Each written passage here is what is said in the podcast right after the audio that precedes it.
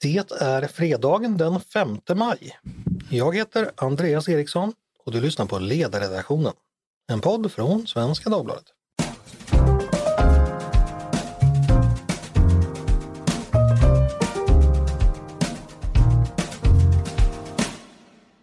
Ja, ni hörde ju själva. Det är fredag och det innebär att det är folkligt, att det är festligt och att det framförallt är fullsatt här i podden.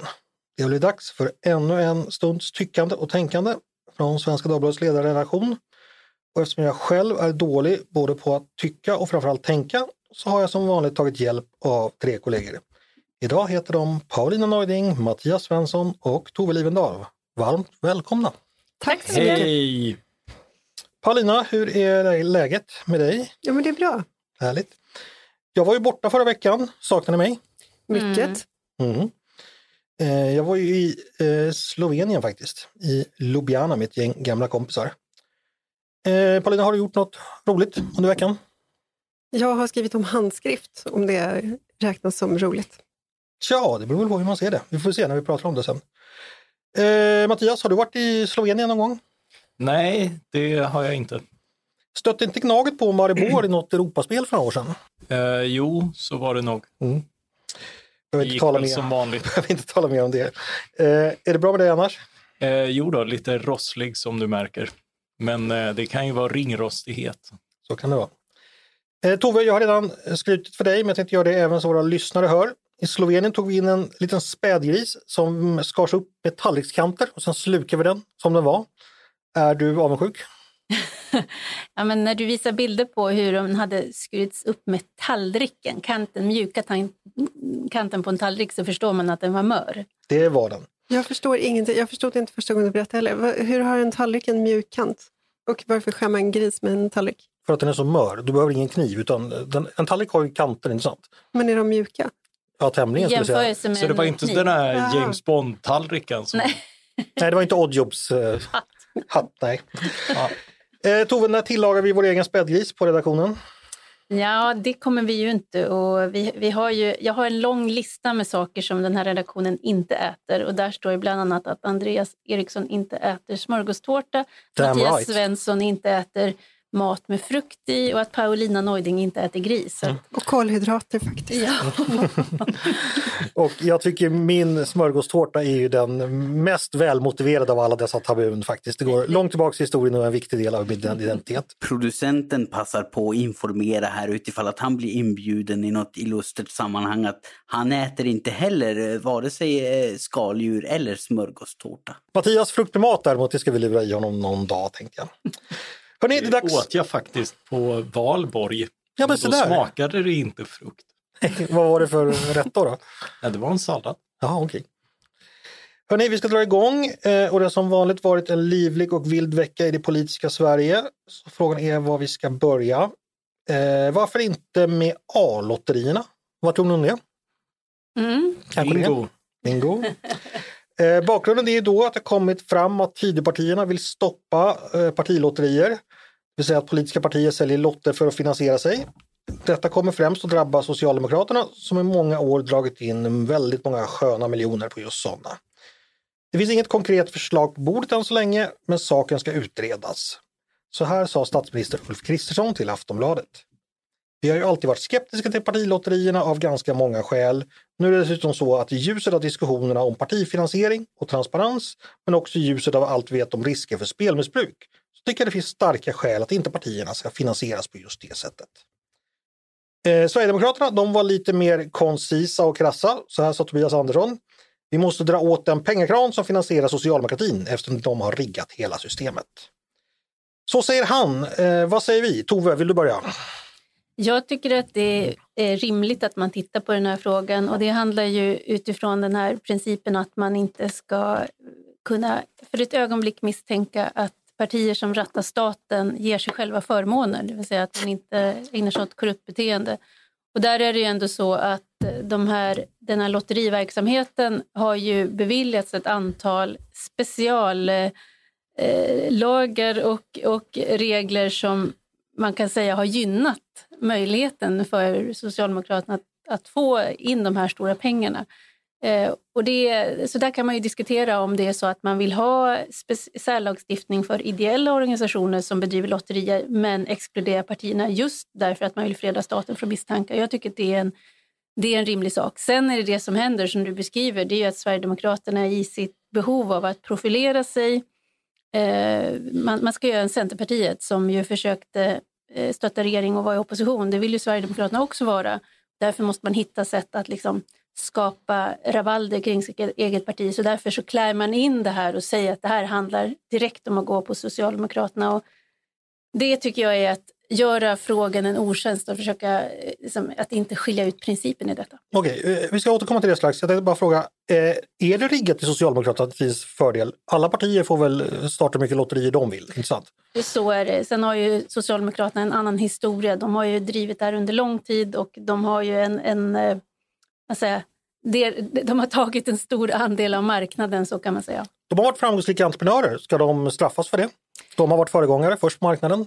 Ja, precis. Men om man återigen i, i, i den här vågskålen så tycker jag man måste lägga det faktum att man har en man, man har för den här typen av verksamhet en, en, en särlagstiftning som så tydligt gynnar partier. Och därför så... Ideella organisationer står ingenting om partier. Nej, det gör det inte, men man måste utgå från hur, hur så här, verkligheten har sett ut också i de skeden när man har fattat de här besluten.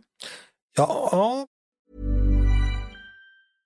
Hej, jag Ryan Reynolds. At Mint Mobile, we like to do the opposite of what Big Wireless does. They charge you a lot, we charge you a little. So naturally, when they announced they'd be raising their prices due to inflation, we decided to deflate our prices due to not hating you. That's right. We're cutting the price of Mint Unlimited from $30 a month to just $15 a month. Give it a try at mintmobile.com slash switch. $45 up front for three months plus taxes and fees. Promote for new customers for limited time. Unlimited more than 40 gigabytes per month. Slows. Full terms at mintmobile.com. Jag vill nog ha lite högre principfasthet här. Jag vänder mig till Mattias. Eh, att ideella föreningar finansierar sig med eh, sådana här saker är väl bra, för annars skulle de bara kräva statliga bidrag. Eh, är det verkligen första delen av en ganska turbulent spelmarknad man ska gå på ifall man vill stoppa risken för spelmissbruk, att stoppa den här typen av lotter? Nej, det är förstås rent hyckleri mm. och det måste man ju vara ärlig och säga som är utanför politiken det är föranlett av, alltså det är, det är rätt uppenbart, eh, Socialdemokraterna har tjänat enorma pengar på det här eh, och på att ha just de här undantagen för eh, ideella föreningar som man då har haft för precis den här typen av spel där, eh, där eh, A-lotterierna har varit framgångsrika. Eh, och eh, eh, det, eh, men, men ett ett, ett hyckel från deras sida och att de liksom har karvat ut fördelar för eh, en, en nisch av fördelar för sitt eget parti betyder ju inte att, eh, eh, att, att man ska hyckla tillbaka, utan vad man borde göra är att öppna också de här marknaderna för konkurrens från privata aktörer eh, och, och lika behandla snarare än än att eh, liksom göra samma misstag fast åt andra hållet. Tove, nu fick du lite moteld här. Eh, hyckleri, tycker Mattias? Alltså, jag tror inte att det finns någon enda i det här tidelaget som, som inte har sett vad konsekvenserna av detta skulle kunna bli. Eh, men det gör ju inte, alltså att, att, utfallet skulle bli att det blir svårare för Socialdemokraterna att få in 150 eh, miljoner på ett år på annat sätt ska inte heller exkludera att man tittar på frågan.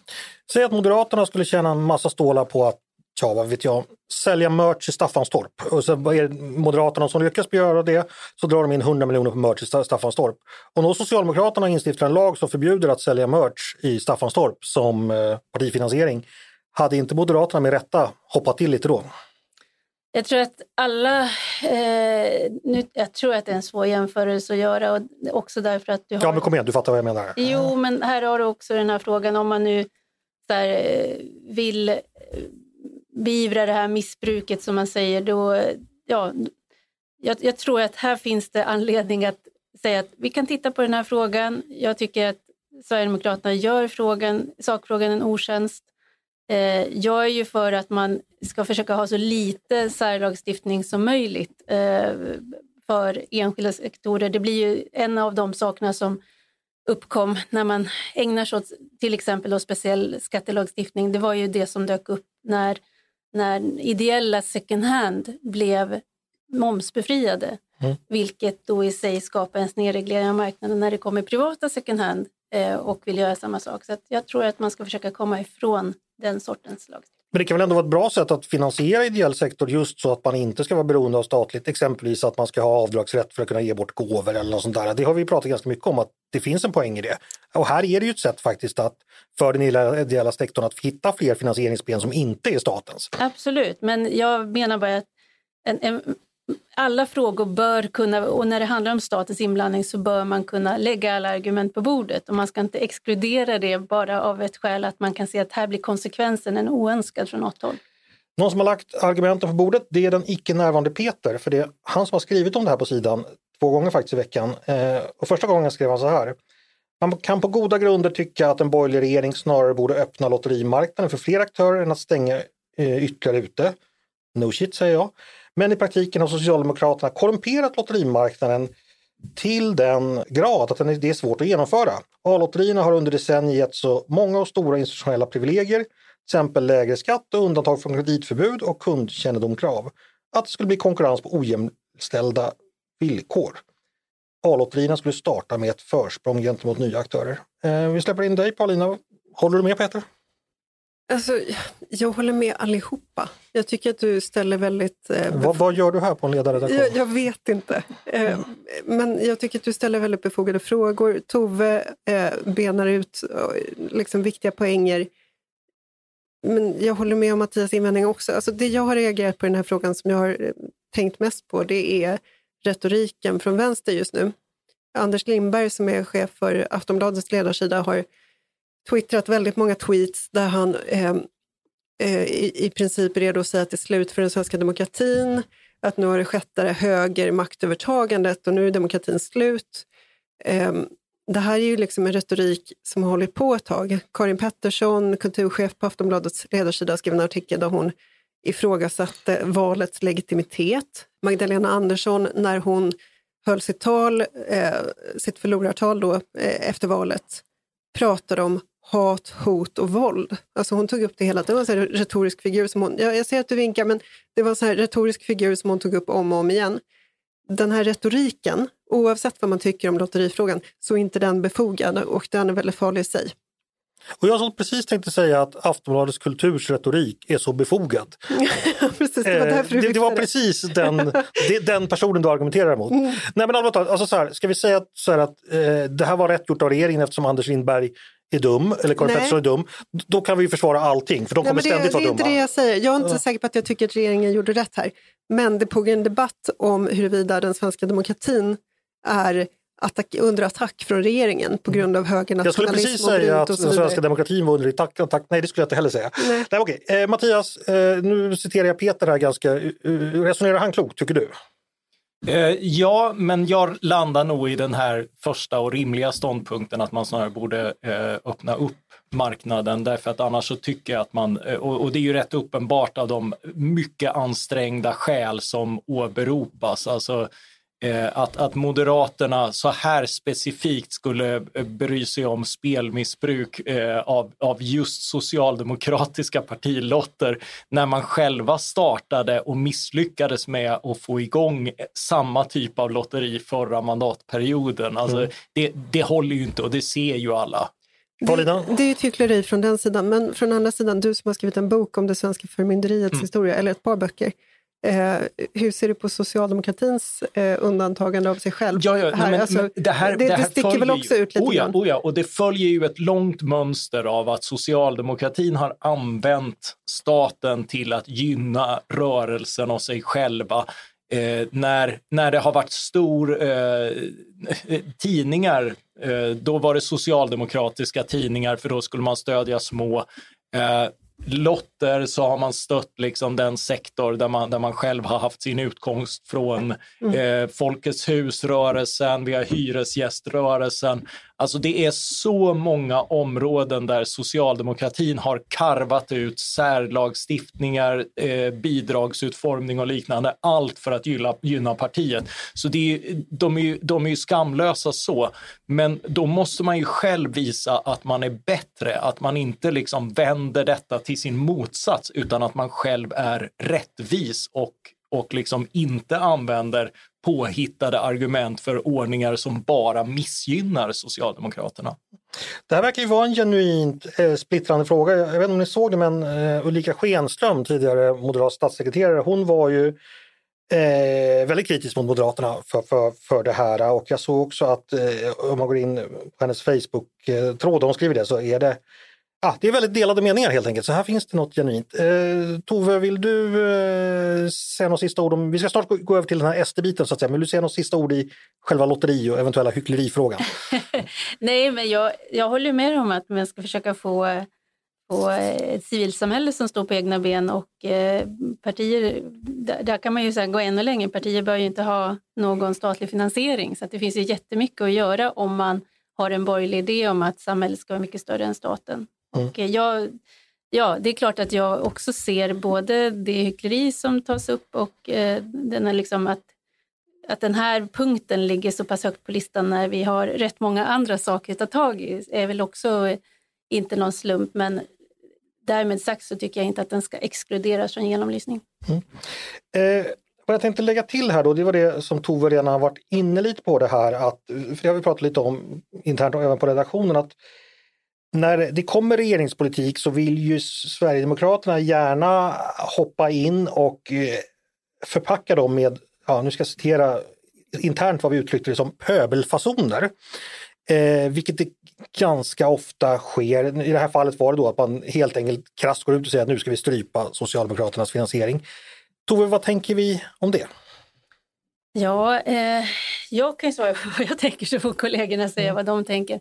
Men jag, jag, jag ser ju ett parti som kämpar för att behålla sin särart och sin position i debatten som en form av kombination av eh, folkets röst och en fan terribel i svensk politik. Alltså den nischen som Donald Trump väldigt mycket profiterade på. Att man utropar krig mot eh, liksom olika typer av eliter och så får man dem att bli förbannade på en och så får man på det sättet allt ljus på sig. Och jag tror att det är Sverigedemokraterna kommer att behöva göra för att de ska överleva opinionsmässigt medan de då ingår i ett regeringsunderlag. Så att jag ser ju, jag, jag tycker att det är tråkigt för att det, det, gör, det, gör, eh, det gör oss mindre intelligenta som, som i samhällsdebatten när man lägger in lager och intentioner som inte är liksom ja, som handlar mycket om egenintressen och så för partier. Men de är ju inte ensamma om det. Mm. Men man gör på olika sätt. Men vi säger till Sverigedemokraterna, vi ser er, vi ser vad ni gör. Eh, Paulina, finns det risk att egentligen ganska okontroversiella och kloka borgerliga reformer helt enkelt blir ogenomförbara för att SD saboterar dem med den här typen av att lägga sån här retorik kring dem? Jo, eh, det tror jag. Jag tror att det är mycket som... Alltså det, jag tror att det finns en sån risk. Eh, och sen så är ju... Och vad gör vi åt det i så fall? Ja, alltså om man tittar på SD den här veckan, man öppnar för en svexit-debatt, eh, man ifrågasätter eh, muslimer, om muslimer kan vara svenskar, om de är bokstavstroende, vad man nu, exakt vad man nu menar med det. Och sen det här, alltså det, de, de håller ju på med någonting i den riktningen. Mm. Mm. Mattias, vad tänker du om det? Ser du också det här fenomenet? Så att säga? Uh, ja, det är ju alltså det är ju en väldigt revanschistisk rörelse som, som lever på just det här att uh, ska, att, att ha politiska motståndare, de är inte uh, ärligt övertygade människor som tycker någonting annat och står för någonting annat eh, och, och vill Sveriges bästa utifrån värderingar och förslag jag inte delar. Utan det är ju just eh, onda människor som ska besegras. Eh, och den, och den typen... Så har ju för sig omgivningen sett på Sverigedemokraterna. Så det kan man ju förstå. Förvisso, förvisso men jag menar, eh, ja samtidigt, alltså Samtidigt är de onda människor som ska besegras. nej, nej, men eh, det, det, är ju ett väldigt tydligt mönster i alla sådana här idealländer, Ungern och mm. eh, Trump och, och, så vidare. Den här typen av rörelser är, är ganska lika i det. Man, man har liksom ett, eh, en, en eh, liksom, ja, man, man är martyr ibland av goda, ibland mindre goda orsaker och det finns ju inga som är så bra på att tycka synd om sig själva som sverigedemokrater. Men, men just det här liksom att eh, att politiska motståndare är några som ska liksom utplånas och besegras för gott. Att vi inte har det här, det är ju liksom en tanke som, som i förlängningen strider mot demokratins ideal, där det liksom, du, du, har, du lånar makt på ett tillfälligt mandat från folket som alltid måste förnyas och maktväxling är, någonting, är, är en rätt sund del av denna demokrati, även om det innebär att vi får sitta i opposition. Och, och, och det bästa skyddet är ju just det att vi kan förlora ett val. Mm och det händer ingenting. Du behöver liksom inte vara otrygg om natten. Mm. Eh, det, är ju, det är ju det kontraktet som, eh, som, som en del av, av de här evangelistiska rörelserna vill, eh, vill ta bort och det är det som gör dem farliga. Och det finns hos Sverigedemokraterna också. Sen är det ju mm. en, en helt annan fråga hur mycket, hur mycket de tilläts, tillåts till det inom ramen för ett samarbete. Ja, och precis. Och det är väl också en öppen fråga. De här krafterna finns absolut. Det finns också andra krafter inom Sverigedemokraterna och de här krafterna finns också utanför Sverigedemokraterna. Men du har ju helt rätt i att de är ju väldigt signifikanta just för Sverigedemokraterna. Tove vill säga någonting. Nej, men jag tänkte på det här twittrande som har varit i samband med att det har kommit ut att myndighetschefer inte har fått, fått förlängt förordnandena mm. och att man ska tillsätta nya, vilket är av de viktigaste verktygen regeringen har för att kunna genomföra sin politik. Att man ser till att man har myndighetschefer som eh, är liksom kapabla och, och eh, inriktade på att genomföra det regeringen bestämmer. Och när SD då går ut och liksom, just utifrån det här revanschistiska tonfallet som Mattias är inne på, att Åh, nu rensar vi ut och nu ska de bort, de här aktivistiska cheferna och sådär. Då är det ju inte med omsorg om institutionerna och att de ska fortsätta att ha ett högt förtroende utan då hjälper man ju till och undergräver förtroendet för dem och, och liksom bygger in skador.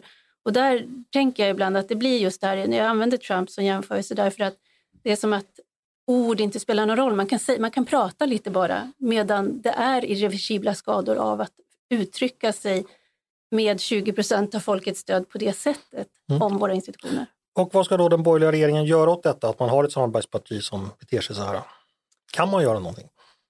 Jag vet faktiskt inte. Jag är inte med i de här rummen där diskussionerna förs. Eh, jag tror det som du att det finns olika eh, här, krafter som drar ut olika håll inom Sverigedemokraterna. Eh, det finns säkert de som tycker att det vore bra om Sverigedemokraterna etablerades och blev ett, vad ska man säga, ja, ett parti som man kan, kan samarbeta med även inne i regering. Jag tror också att det finns ganska många av dem som är väldigt nöjda med den position SD har just nu mycket inflytande och makt men inget ansvar och det är liksom också en framgång för att hålla sig starka opinionen.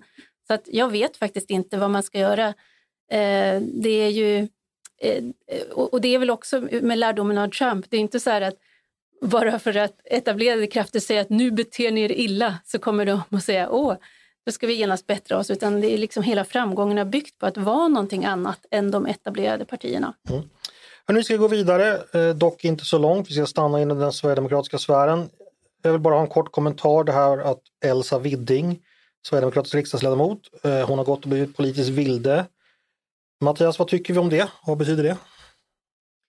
Eh, ja, det betyder ju att regeringsunderlaget potentiellt försvagas. Jag hoppas vi i alla fall slipper se eh, förra mandatperiodens grepp med förhandlingar mellan en regering och en politisk vilde, för det, det hade kunnat se eh, riktigt roligt ut. Hur uttrycker du dig? Politisk vilde? Kommer du ihåg att förra året var, var, var elakt och nazistiskt att använda ja. uttrycket politisk vilde? Just det, det är fantastiskt. Ja. Alltså, det här hur, hur saker kan, kan fluktuera mellan att vara nazistisk eller inte. Jo, det, är, det, var... det, jo, men det är ju så, liksom, eh, nazist å ena sidan och det, det, det flyter ständigt och jo, jo, men just den här förvåningen över, eh, det var ju även Sverigedemokraterna, när de blev kallade elefanten i rummet så var det så här, ah, vi blir djur. Liksom, eh, bara, alltså, nu ska jag citera lite interna ord här också. Jävla amatörernas afton var det någon som sa här eh, angående Sverigedemokraterna och det är väl någonting som ändå fortfarande finns med. Ja, vad, vad, vad tänker du? För att eh, den borgerliga majoriteten, inklusive Sverigedemokraterna, är ju inte överdrivet stor. Och fyra, fem eh, vildar per mandatperiod, det är ju vad SD snittat hittills. Eh, det finns ju risk att vi hamnar i ett läge där man helt enkelt får börja sluta avtal med enskilda partilösa, säger jag då så ingen blir arg. Eh, vad, vad, vad, tänker du om det här? Alltså är Sverigedemokrat, hur stort problem är det att, ja, att det är amatörernas julafton lite där borta? Eh, ja, nej men det är, så här, det är ju nya partier det, det, och en del av dem kommer ju från andra partier och kan ta med sig den erfarenheten, men en del har ju inte det. Och eh, det är ju inte, Elsa Widding är ju inte ensam om att rekryteras in i ett parti och sen hamna i konfrontation med partikulturen och förstå logiken som gäller där. Så att i, det, i den bemärkelsen så visar sig väl Elsa Widding vara så som många andra som har blivit politiska vildare eller lämnat sina gamla partier och i den här bemärkelsen visar sig också Sverigedemokraterna vara ett parti som alla andra. Det vill säga att det, det funkar på ett visst sätt. Eh, det, alltså, lojalitet är liksom den viktigaste, det viktigaste kapitalet och eh, du förväntas liksom stå ut med rätt mycket inom ramen för det kollektivistiska eh, som ett parti innebär. Och eh, för många personer, och inte minst då tänker jag eh, utan att känna henne, men en, en visselblåsare, en person som har gått sin egen väg och liksom verkligen gjort sig eh, en personlig karriär på att vara den som liksom säger ifrån det kan man tänka sig från början blir väldigt svårt att få ihop med ett parti som förvisso har haft också som profil att säga som det är, men som i sin natur måste bli kollektivistiskt precis som alla andra partier. Ja, det är inte första gången någon som kommer etablerad utifrån så att säga kommer in i ett politiskt parti och det säger bara pang, det blir ja. en krock. Liksom. Det har vi sett förut. Vi ska gå vidare. Eh, vad har mer hänt i veckan? Vi har fått en hel hop nya förslag på det rättspolitiska området. I förrgår tror jag det var röstade riksdagen ja till regeringens propp som heter skärpta straff för brott i kriminella nätverk. Alltså gängbrott. Eh, det är ganska mycket nya förslag här. Eh, som handlar om straffskärpningar då eh, för, för, olika typer av att man ska kunna häktas lättare så att säga. Eh, Mattias, du skrev den här veckan. Du välkomnade en del men du var också kritisk. Eh, vad är det du har problem med i de här förslagen? Jo, men om förra regeringen var för lite och för sent eh, så har den här regeringen börjat lite med för mycket och förhastat. De gapar över för mycket. Eh, vi märkte det i, i den här som förvisso var beredd av eh, Socialdemokraterna Eh, eh, mot utlandsspioneri som blev så långtgående att, att det krävs undantag för, för mediala publiceringar, vilket alltid är en eh, riskabel rättsordning. Eh, och på samma sätt här eh, fanns mycket som borde ha gjorts för länge sedan som eh, kriminaliseringen av att dra in unga i kriminella nätverk Eh, Paulina nickar eftertryckligt bredvid, bredvid oss. Ja, ja. Eh, jo, jo, men alltså, eh, och, och, en del som är anpassningar till den nya situation vi har. Alltså, allt, allt som har med, med hot och olaga tvång och liknande, hur man påverkar vittnen och annat. Det är sånt som gör att gängen kan etablera en tystnadskultur. Om det är bra, vad är det som är dåligt konkret? Eh, det som är dåligt är en hel del eh, framförallt på narkotikaområdet där man fortfarande sitter med sina skygglappar på, eh, in, inte vill utvärdera förbudet. Det är som Morgan Johansson fortfarande satt på ministerposterna eh, och, eh, eh och, och eh, där, där, man då dessutom dels lägger ett eh, obligatoriskt straff för eh, försäljning, fängelsestraff på ett halvår, vilket betyder att också om om man säljer vidare i missbrukarkretsar till andra och sådär så ska man sitta i fängelse. Eh, det, här, det här är helt enkelt förslag som inte handlar om gäng, eh, som riskerar att fylla fängelser. Vi har redan sett det med de här lagarna, eh, alltså lagarna mot eget bruk och, eh, och innehav av narkotika är ju en gökunge i i polisens verksamhet. Det tar väldigt mycket på polisverksamhet. Det slår mot helt andra grupper än, än gäng och riskerar på det sättet på flera sätt att bli kontraproduktivt. Vi släpper in eh, Paulina som kan området bra. Eh, håller du med Mattias om hans kritik? Nej, jag håller med honom om hans, det, det han lyfte upp som positivt. Men det är jätteviktigt att man slår hårt mot narkotikahandel eftersom det är en inte minst eftersom det är en kärnverksamhet för de här gängen. Eh, och läser man, eh, läser man om hur det ser ut eh, i brottsutredningen, där man hela tiden måste släppa de här killarna. Man kan inte häkta, man kan inte göra det man skulle behöva göra, därför att, trots, trots att man vet vad det, är, vad det är för typ av verksamhet de sysslar med. Så att det är uppenbart att det behövs straffskärpningar. Och skulle vi leva i ett mer liksom, fridfullt samhälle så skulle det kanske inte behövas. Nu behövs det i allra högsta grad. Replik Svensson? Eh, jo, det här handlar ju om eh, olika saker, alltså att, eh, att man ska kunna häkta, det är ju för den här typen av andra brott där man har skärpt, eh, alltså hot och liknande. Eh, vad, vad, man kriminaliserar på narkotikaområdet är, är sånt som inte direkt gör, rör gängverksamhet eh, Eh, och, och det är därför inte eh, applicerbart på det. En, en sak som direkt gynnar gängen är ju att man eh, försöker gå efter eh, folk som köper narkotika på nätet. För tittar man på Brå, eh, Brå hade en utredning om det här narkotikamarknader för, för några år sedan. Det finns alltså eh, när du handlar krypterat på nätet och beställer via posten, den marknaden är mycket, är, är, eh, eh, eh, står längre ifrån gängen eh, och fungerar ofta ganska fredligt eh, och är, är, mer av en tillitsmarknad. Eh, och går man hårdare mot det så, så är det klart, då gynnar ju det gängens försäljningskanaler, alltså hemleveranser via telefon, gatuförsäljning för att kontrollera områden. Det är alltså en present till dem att ge dem en ökad andel. Jag förstår inte vad någon av er pratar om. Alltså Morgan Johansson utlovade ett narkotikafritt samhälle inom tio år redan 2002 och det är ju 21 år sedan så att de här problemen är naturligtvis helt överspelade. Nej, Tove, dina barn träter, vad säger mor? jag, är ju inte, jag är inte deras mamma jobbar inte här. De är helt det är föräldrafritt här, det är därför det går som det går. därför som det är som det Nej, Jag tycker det finns valida poänger hos båda här. Det är ju, det, men, här är det ju, ja, det, och jag vet att jag har ställt frågan i den här podden tidigare, att det, jag, jag tror att man ska titta på här, Frågan om narkotikapolitiken förtjänar att genomlysas i sin egen rätt, eh, också inte minst därför att den inte leder till det den är ämnad att leda till. Och sen får man kolla hur andra gjort. Men sen är det ju också så att vi har väldigt många kriminella element som har en god intäkt från detta.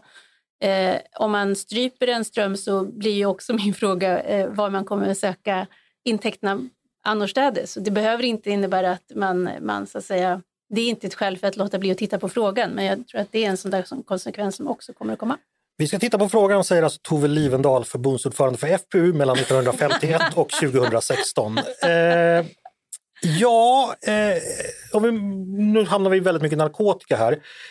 Paulina eh, eller Mattias, är någon av er orolig för att de här straffskärpningarna eh, kan medföra några problem eller att man det ska bli lättare att häkta folk? Finns den faran? Det har ju det, andats det är klart sånt. Att, det är klart att det för enorma kostnader med sig. Alltså dels ekonomiskt, dels liksom, det, det, det, är klart att det är en kostnad att låsa in människor. Det är klart att man hellre skulle ha det som det kunde vara tidigare. Eh, men vi har sån enormt farlig systemhotande brottslighet. Det är så väldigt många människor som är involverade i det här så man måste slå väldigt brett. Dyrt men nödvändigt säger Paulina. Mattias? Eh, jag är i stor utsträckning mot den här typen av organiserad kriminalitet. Eh, men men man behöver ju också slå mot orsakerna och vi får ju framförallt inte förlora proportioner och rättssäkerhet. Eh, vad man gör i de här stora paketen är att man ofta gapar efter för mycket. Man inkluderar sånt som inte hör hemma där, alltså åtgärder som inte alls har med gängen att göra, som man stoppar in där. Eh, och, och likaså vi, vi, är ju i Sverige vana vid pendelrörelser som mm. slår liksom först åt ena hållet och sen åt andra hållet. Eh, ta, ta det här med ungdomsrabatter. Det finns ju en tanke bakom det som, eh, som handlar om liksom, proportionerliga straff och liknande eh, som man måste ändra när det handlar om en annan typ av kriminalitet, en annan typ av brott. Men, men måste man då ändra det helt och hållet, kasta ut allt? Ja, i Sverige måste vi alltid göra det. Ja, men vi ja. går ju inte... Alltså, replik, Neuding. Det är fortfarande Sverige. Alltså, vi har precis haft det här fallet Fredrik Andersson med en migrant som avrättar Fredrik Andersson. Eh, han skulle siktade på någon annan, men det blev han på ett gym. Han blir svensk medborgare under tiden som processen pågår. Han får två år på, på de här hotellen som kallas för SIS-hem där man, där man får frukost serverad och man får sitta och spela dataspel hur mycket man vill och man, man måste ha tillgång till internet för annars kränks ens mänskliga rättigheter. Alltså den här galenskapen Fick han två år bara? Ja, drygt två år. Okay. Eh, som, som, präglar eh, svensk justitie fortfarande. Alltså det tar lång tid innan pendeln svänger i, i någon liksom, märkbar mening. Sen när det gäller orsaker, så den stora orsaken är den stora migrationen vi har haft, Mattias. och eh, kolla på våra grannländer, de har inte haft den här migrationen, de har inte de här utsatta områdena och de har inte eh, gatugäng som håller på att meja ner varandra med kalasjnikovs eller spränger bomber. Eh, och, och det, är liksom, det är den stora stenen som vi behöver vända på. Det är helt Okej. solklart. Nu drog du igång en ny debatt så får Svensson en slutreplik på detta. Sen får ni gå vidare. Vi kollar om han håller med.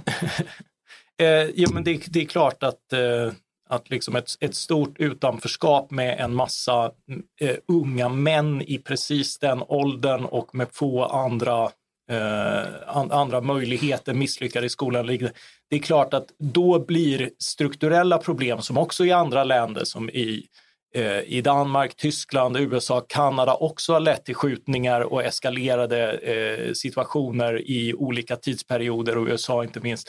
Eh, då, då ser vi det här också. Det är konsekvenser av både migration men också av institutioner, av förbudet mot narkotika till exempel. Okej. Eh, ja, Paulina, jag kan säga så här att all tid vi tar till det här kommer tas från tiden vi pratar handstil. Så jag antar att vi inte har någon mer. Men innan vi gör det ska jag bara kort, jättekort från dig Tove. Du skulle, vi vill gärna höra lite reklam för en text också för vi har ju haft en ledarintervju här. Det har vi haft. Eh, bara kort nämna varför man ska läsa den. Jo, det här är en eh, intervju som är publicerad eh, med anledning av att stiftelsen Svenska Dagbladet, den är från oss eh, nu helt fristående eftersom den inte längre har något ägande kvar i Svenska Dagbladet.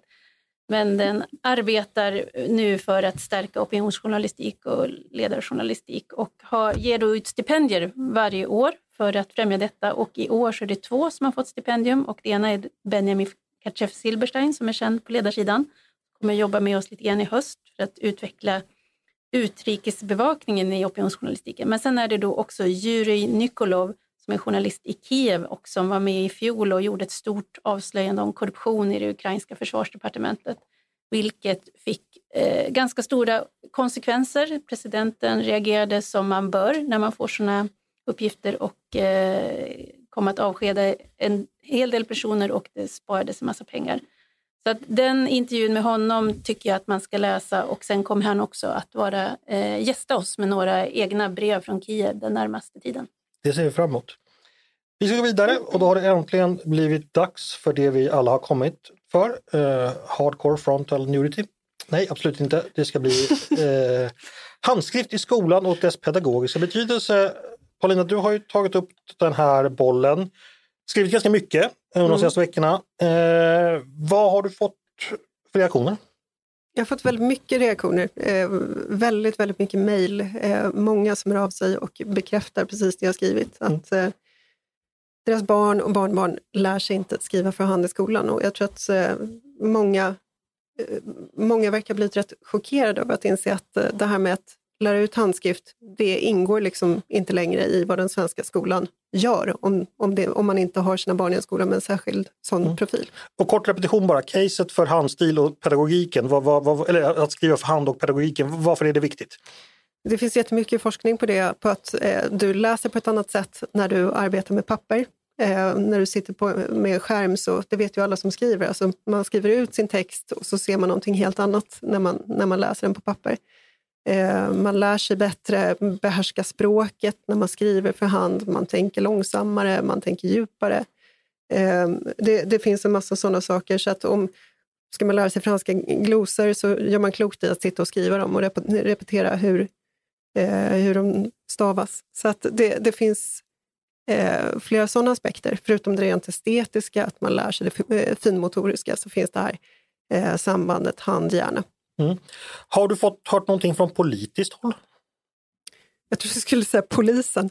Eh, nej, eh, jo. Eh, eh, Folkpartiet har ju eh, två ministrar, eh, Lotta Edholm som är eh, skolminister och Mats Persson utbildningsminister som har lovat att den här överdigitaliseringen av skolan ska rullas tillbaka.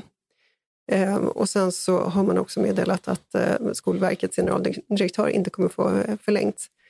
Så att eh, det verkar hända saker där. Eh, där det också hände saker, det var på Aftonbladet Kultur, för där såg jag att man i alla fall delvis tog upp handsken. Eh, där verkar man gilla skärva bättre. Eh, då skrev man så här. På SVDs ledarsida förs en högaffektiv kamp för skrivstil och pennor. Evidens hämtas från, evidens inom citattecken, hämtas från Ray Bradburys science fiction från 50-talet och i ledarredaktionens egen podcast, alltså den här, hörs sedvanliga anekdotiska argumentationslinjer. Ledarsidans chef Tove Livendal tar intellektuellt spjärn i de egna barnens skolgång. De, citat, gör inget annat än powerpoint. Och Paulina har fått underbara, också det inom citattecken, bilder på prydlig handstil från en god vän i Tyskland. Eh, Neudin blir sedan förbannad när kollegan Peter Wennblad, allt annat än futurist, ändå försöker hålla två tankar i huvudet samtidigt. Hon avbryter och levererar sitt favoritargument. Men Peter, om batterierna tar slut, vad gör du då? Mm. Eh, hade Peter svar på det? Precis, Det var... eh, Det är Mattias Beijbo ska sägas på, på det är Aftonbladets så här, kultur. Jag har fått underbara bilder på vacker och prydlig handstil från en god vän i Tyskland. Och det var då enda argumentet. Äh, men det, det är så roligt därför att det här påminner mig så mycket om biblioteksdebatten. Ja, då var det också Eh, att du hade goda vänner i Tyskland men det var ordnung på biblioteken. Precis. Nej, men då, då sades det ju att det var rasism och klassförakt och hävda att eh, även människor i utsatta områden har rätt till ett bibliotek. Och nu är det så här, eh, att skriva om att skolan inte längre eh, lär ut eh, handskrift så att elever blir eh, flytande på det här, att man, att man har ett eh, mm, eh, ja, att, att man skriver ledigt och flytande för hand. Eh, det är ju någonting som naturligtvis främst drabbar barn som har sämre förutsättningar och eh, inte då barn till, till föräldrar med långa universitetsutbildningar, för de, de hittar sätt att kompensera för det. Men även detta, eh, förstår jag nu eh, när jag läser Mattias Bimos eh, Twitter, det är också klassförakt. Han skriver så här nämligen, man får intrycket att de inte vill ge alla skolor och barn likvärdiga förutsättningar. Att det är bra om föräldrarnas utbildningsnivå och eller plånbok upprätthåller klassamhället. Men så cyniskt kan det väl inte vara? Nej, kan du det? Nej. Mattias Beijmo, det är faktiskt inte så cyniskt. Eh, nej men, och, och liksom jag tror att skälet till att eh, det är så många som har reagerat, så många som har hört av sig, det är dels att jag tror att många inte visste att skolorna har slutat göra det här. Mm. Eh, eh, och dels, ehm, eh, jag tror att många inte visste att andra länder, andra, liksom, i Tyskland, i Schweiz, i Belgien, Frankrike, England, att man är väldigt noga med att elever ska lära sig skriva eh, tidigt och man ska lära sig skriva ledigt. Mm. Eh, och att eh, det tredje, att handskriften fortfarande är jätteviktig. Alltså vi har absolut inte kommit till en punkt där ja, men vi har tekniska hjälpmedel som helt ersätter handskriften så den behövs inte längre. Jag tror att de här tre sakerna är, är någonting som folk har reagerat väldigt starkt över. Jag tror vi ska prata om det här i framtida poddar också. Jag tror vi till och med ska vika poddar till det här. Eh, kära lyssnare, jag vet inte om ni minns det, men när vi tog upp det här senast för två veckor sedan var Peter då, icke-futuristen och även jag själv lite skeptisk till Paulina. Men jag tror vi kan fortsätta ha en diskussion om det här faktiskt. Då ska vi fortsätta Ekokammaren med Aftonbladet Kultur, där de lyssnar på oss och vi kommenterar så att de får listan. Ja, men, men det jag kan liksom observera att jag skrev om biblioteken för första gången 2015, eh, alltså de här trakasserierna mot biblioteken. Och då var det då, som sagt rasism och klassförakt och sen så tog det åtta år och nu tror jag att alla är överens om att det där kanske inte... Det var kanske- absolut ingen som sa att det var rasism och klassförakt. Det har aldrig hänt. Alla har helt varit var en- överens. Det kanske inte var en hedrande debatt för alla som deltog i den. Eh, jag, jag tycker att det här verkar väldigt, väldigt likartat. Mm. Det är helt uppenbart att, att alla barn, oavsett förutsättningar, har rätt att lära sig skriva. Eh, och det, det är nog en fråga jag kommer fortsätta driva. Eh, det låter klokt. Vi ska gå vidare och då ska vi ta lite information från poddredaktören. Mitt favoritmoment faktiskt. Det gäller den här frågan med ljudet som jag tog upp för, också för två veckor sedan. Där jag pratade om att, och beklagade mig över att vi ibland faktiskt har väldigt dåligt ljud. Jo, då frågade jag då helt enkelt, om, ni minns säkert det, eh, om det var okej att vi ibland hade lite sämre ljud för att det har vi ibland eh, när vi har externa gäster som kanske är på lite osäker lina med lite osäker utrustning. Och vi har fått jätte, jättemycket respons och den har så gott som enhälligt varit att man föredrar att vi fortsätter ta in gäster utifrån, även om det är då på bekostnad av ljudet ibland. Eh, ja, inte för dåligt såklart, men, men, men, men det är i alla fall en signal jag fått från er lyssnare. Så att, eh, då lyssnar vi helt enkelt på er och eh, gör så. att Men vi kommer naturligtvis fortsätta, både jag och Jesper, att jobba med eh, ljudet så att det blir så bra som möjligt. Därmed är det dags att gå vidare till mitt eh, favoritmoment som heter Svar direkt, eh, då jag stresstestar mina kollegors politiska reflexer och förmåga att blixtsnabbt skilja rätt från falskt. Det går helt enkelt till så att jag likt ett backhandsläpp från Jens Öling lägger upp några nyligt lagda förslag eller fattar beslut framför mina kollegor och ber dem klippa till direkt. Och klippa till gör man genom att säga ja eller nej eller att vara för eller emot. Helt enkelt, svar direkt. Är ni redo? Ja. Ja. Regeringen och SD vill skärpa kraven för att få svenskt medborgarskap. Det berättade migrationsminister Maria Malmer Stenergard på en pressträff tidigare idag. Medborgarskap ska också kunna återkallas. Exempelvis om man fått sitt medborgarskap på felaktiga grunder som om man ljugit eller om man är ett hot mot Sveriges säkerhet, sa Sverigedemokraternas gruppledare Linda Lindberg till Aftonbladet. Bör medborgarskap kunna återkallas av dessa skäl? Ja eller nej? Jag vill ha svar direkt. Ja, Nej. ja. Mattias, du är odd man out här. Varför är du? Varför är det här vansinnigt? Eh, nej, alltså jag, jag tror eh, det finns absolut rimliga skäl att göra det, men jag tror det är ett, ännu ett område där, där det riskerar att gå allt för långt och det går att bekämpa både, både terrorism och annat utan den här typen av lagar. Tove, varför är Mattias fel ute här? Nej, men jag tycker medborgarskap, att, att, att få ingå det, det är att ingå en förtroendefull relation mellan liksom, en nation och en eh, individ. Om det då är ingånget på falska grunder så är det, det var liksom inte, då tycker jag att då finns det skäl att titta på om man kan ompröva det. Vi går vidare. Eh, barnbidraget bör höjas med 400 kronor. Det tycker Vänsterpartiet. Detta ska finansieras genom att rutavdraget pausas. Detta motiverar man så här. Många svenska hushåll får inte pengarna att räcka till just nu med stigande matpriser, hyror och räntor. Särskilt utsatta är barnfamiljerna. Höjt barnbidrag med 400 kronor. Ja eller nej? Jag vill ha svar direkt. Nej. Ja, Ja, återigen Mattias. Ni ska se Mattias leende från öra till öra just nu. Så jag vet inte om, busar du när du sa sådär eller? Eh, ja, men lite grann. Alltså så här, eh, det, det är tuffa tider och eh, jag tyckte att det lät som en rimlig eh, omfördelning just i det här. Jag tycker att rutavdraget har eh, liksom blivit eh, för svulstigt och för stort och omfattar för mycket. Eh, och att man i de här svåra tiderna så kan eh, höjt barnbidrag, det är ett av de mest effektiva sätten att ge pengar i plånboken till folk som behöver klara tillvaron. Jag tänkte ge Paulina ordet men hon vinkade ilsket avvärjande för det handlade om eh, saker hon inte vill prata om. Tove, varför är Mattias fel ute den här gången också? Nej, men dels så tycker jag är helt fel att man blandar ihop de här och viktar den ena mot den andra. Även om det är så att säga eh, Eh, en och samma statskassa så tycker jag att det blir fel när man ställer dem, därför det, de, är, de är instiftade på helt olika grunder.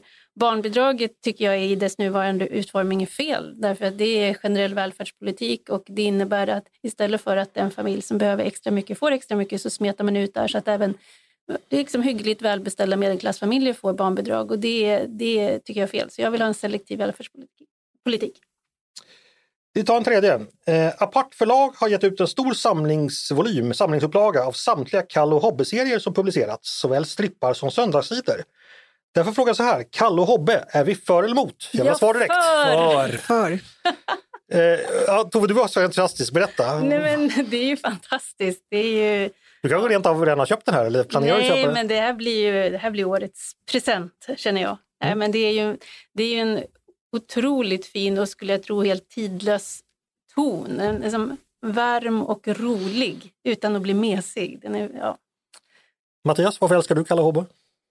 Eh, ja, men eh, den, den kom ju när man fortfarande kunde, alltså det var, det var serier när serier var kul och den, den var ändå nydanande inom en väldigt familjär tradition så att den gjorde, den gjorde att även en tonåring kunde läsa om, om det här eh, lilla barnet som ju förvaltar liksom Dennis och andra, andra busungar. Samtidigt så var han 90-talsanpassad, han var speedad på socker och, och det är tomma kalorier och det, det Idag kan den nog läsas med ganska chockerade glasögon just för att han... eh, Som ett tidsdokument menar du Ja, också? ja men eh, ab- absolut. För, för han, de här föräldrarna är ju väldigt toleranta för hans identitet, hans fantasier, att han skippar plugget, att han letar ursäkter för att bara eh, röja runt och leva i nuet och sådär. Eh, Så eh, ja, nej, men det finns nog mycket där. Det är en väldigt fin stämning i serien på något sätt. Mm. Och den utspelar sig som det så vackert heter på Wikipedia, on the outskirts of suburbia. Eh, och det är ju alltid det här eh, barndomslandet vi alla växte upp i någonstans. Ja, liksom. jo, men det finns ju verkligen en, alltså, och, och det illustrerar ju just det här att familjer kan se olika ut. Det är liksom ingen optimalitetsövning att vara förälder, utan finns det i grunden en kärlek och omtanke och någon som, någon som bryr sig om, så är det ofta tillräckligt, men det är väldigt viktigt. Hörrni, vi ska gå vidare till dagens sista moment och det är ju faktiskt mitt favoritmoment. Det är det som vi kallar Är du smartare än en ledarskribent?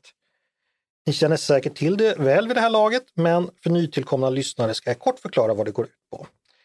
Jag föddes ju tyvärr på Danderyds sjukhus och inte på Sahlgrenska. Därför gick jag redan från födseln miste om möjligheten att bli godmodig i Göteborgs frågesportsvärld i SVT. Denna livshoj tar jag nu ut på mina kollegor genom att varje vecka låta dem genomlida ett batteri av triviafrågor som högst eventuellt har någonting med dagens diskussion att göra.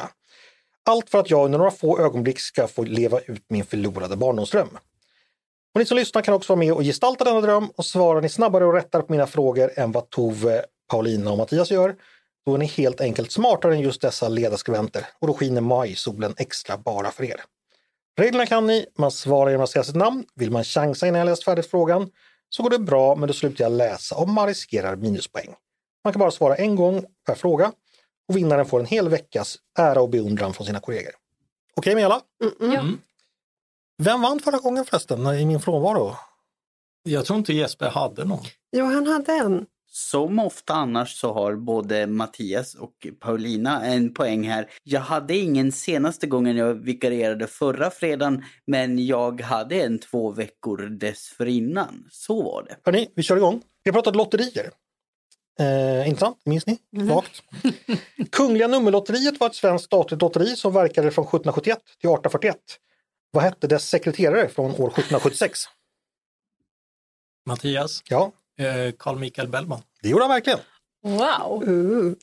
Han fick ju då en eh, kunglig, jag vet inte om det var en, behövde gå till jobbet så ofta, men han fick en lön i alla fall så att han kunde... Ja, jo, jag har ju skrivit om det i Glädjedödarna, Mm. eh, att han anhöll om det, men jag visste inte om han fick det, så det var lite av en chansning. Efter Kungliga nummerlotteriet lagts ner tog privata aktörer över och det dröjde dröjde till 1938 innan statsmakterna bjöd på lotterispänning igen. Men vad hette det då, alltså det statliga som startades 1938? Mattias, Ja, Penninglotteriet. verkligen. Två poäng till dig. Jag, hade, jag har nog tror jag, hemma en gammal samling med penninglotter. Pappa spelade.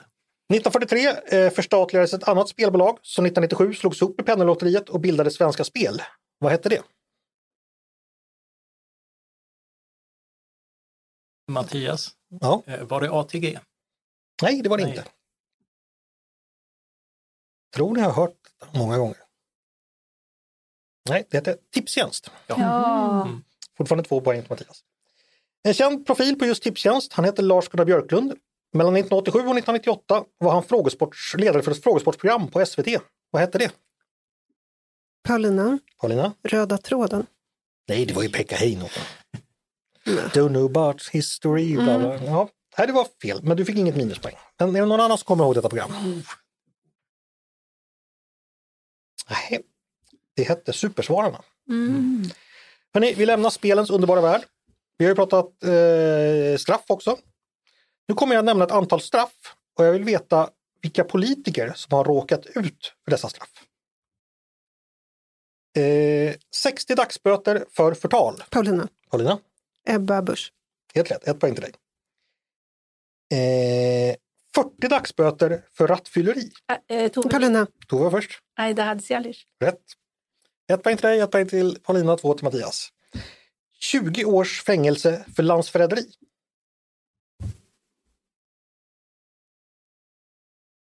Icke en svensk, en Ja. gutt.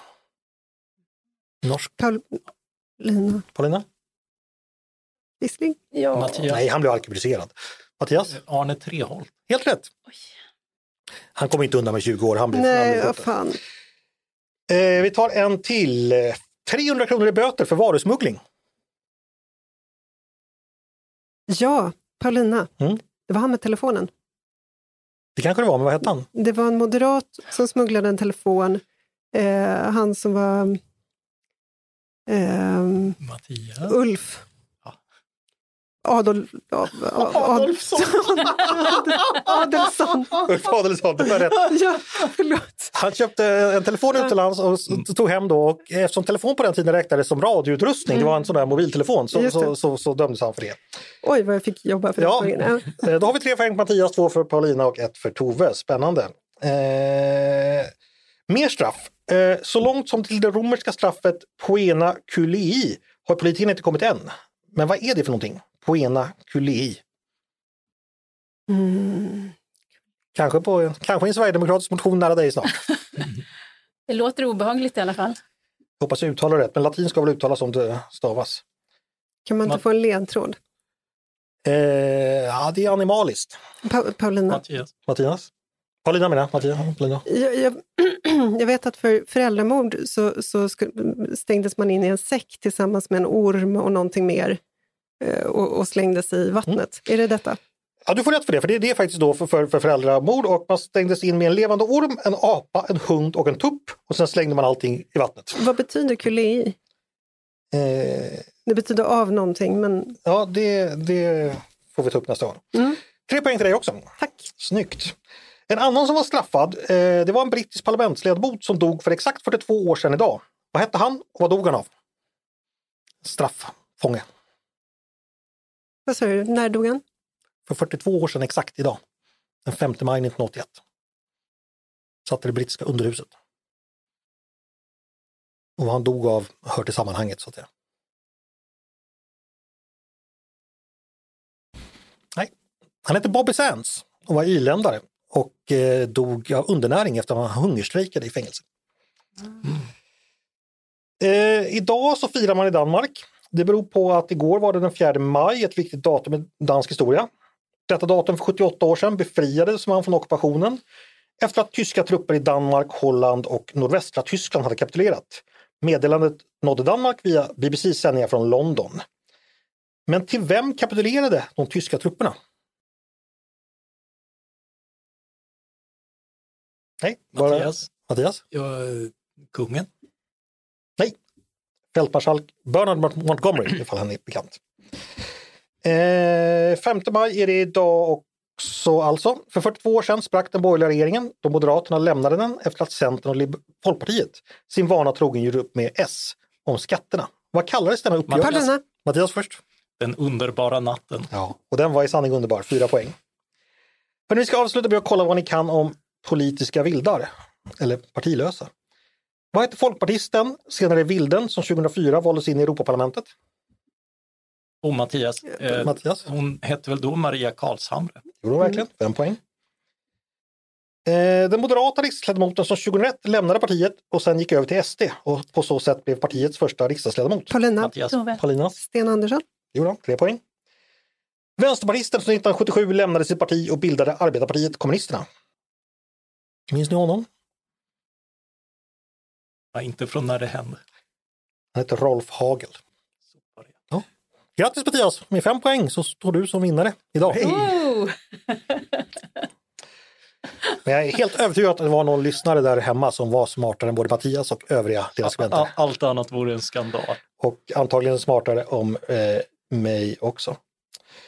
Hörni, eh, en sista lilla fråga, en liten rundfråga. På tisdag är det ju Europadagen, Folkpartiets stora festdag. eh, Näst hur, fjärde maj. näst fjärde maj.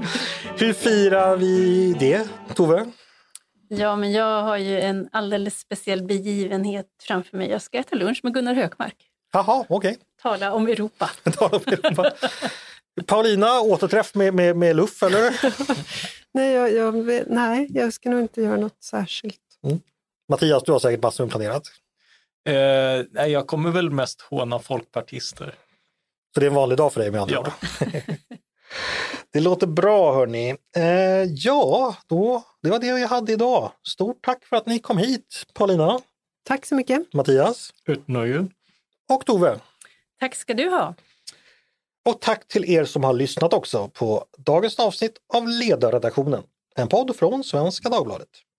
Ni är som vanligt varmt välkomna att höra av er till oss med tankar och synpunkter på det vi precis har diskuterat. Eller om det är så att ni har idéer och förslag på det vi ska ta upp i framtiden. Då är det bara att mejla till ledarsidan snabel svd.se. Dagens producent, han heter som vanligt Jesper Sandström. Själv heter jag som vanligt Andreas Eriksson och jag hoppas, precis som vanligt, att vi hörs snart igen.